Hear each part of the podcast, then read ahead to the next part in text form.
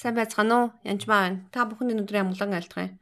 За миний нэг найз дүү байгаа. Бид нар бүр гэр бүлийн найзууд сүмд олон жил хамт явсан. Тэгээд итгэвчлөөч гэсэн олон жил болсон залуу. Тэгээд сайн мэдээнд Баяуулгын аймагт хүртэл явж исэн залуу. Тэгээд цархан бид нар ярилцаад, каунслинг хийгээд, нэлээд ярилцаад тэгээд байжсэн чинь тэгээд хинжмагч нэг л миний нэг ихтгэл биш л байна да. Би нэг тийм сони итгэж өгөхгүй, нэг үзүүлэгч итгэхгүй байна. Ер нь нэг л нэг л юм болчихгүй байна гэд хэлээдсэн. Би тэгээд ийм олон жил итгэж байж яг яацсан болоо гэж нэлээд бодсон л доо. Тэгээд энэ үед Ром 4:19-ыг танд хэлж байгаа. Тэр 100-аад наслсанд бол би нэгэнд өгшөлснийг болон Сарагийнх нь нумааг үхтэн болсон мэдрийг дэж итгэлээр доройтсангүй гэд. Тэр энэ Авраамын итгэлийн тухай ярьж байгаа. Итгэлээр доройтог байна. Гэтэл тэр залуугийн хувьд итгэлээр доройтсон байна л да. Авраам итгэлээр доройтог байхад нөгөө залуу маань итгэлээр доройтсон байна Тэгээ олон жил итгэж байсан залуу шүү дээ. Аа тэгэхээр итгэлээр дорой бас дөнгөж шинэ болсон итгэгч бас хүмүүс байна.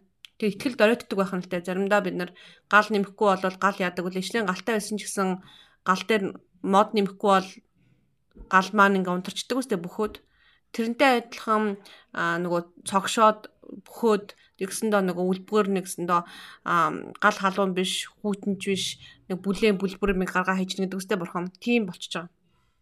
А гэтэл дөнгөж гал нуцаж эхэлж явах үед бас гал маань дөнгөж цогшоогүй, гал асахгүй уддаг тийм бас байдаг. Тэрнтэй адилхан тийм ихтгэлгүй бас үе бас байна.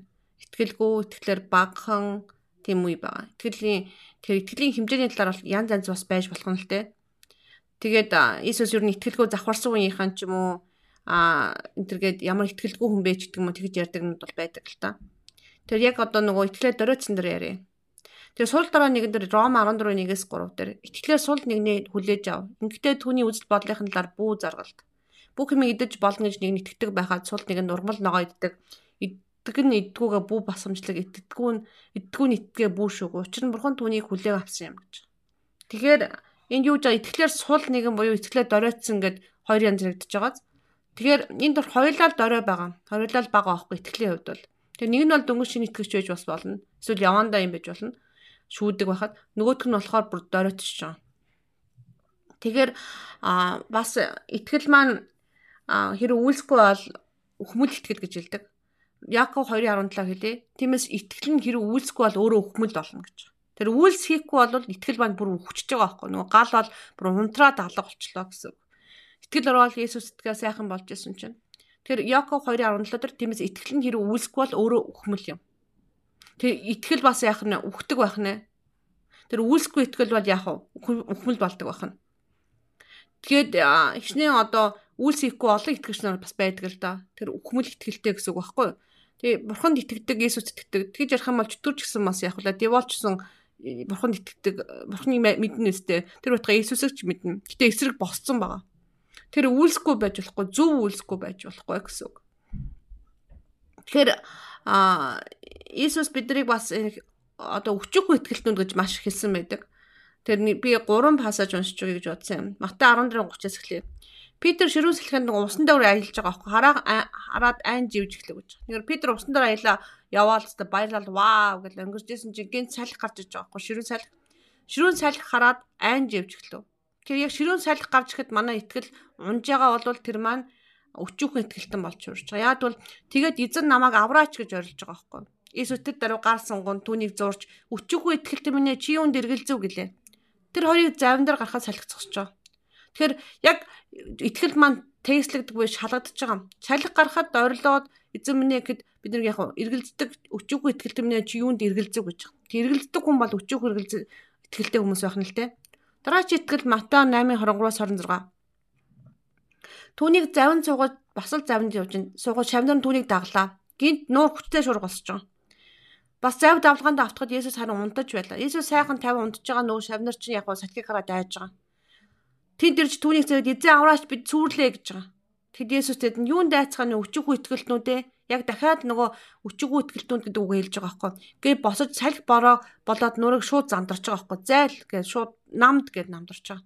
Тэг бид нар итгэлээрээ тэрийг намд гэж хөөдөг болох ёстой гэсэн үг байхгүй?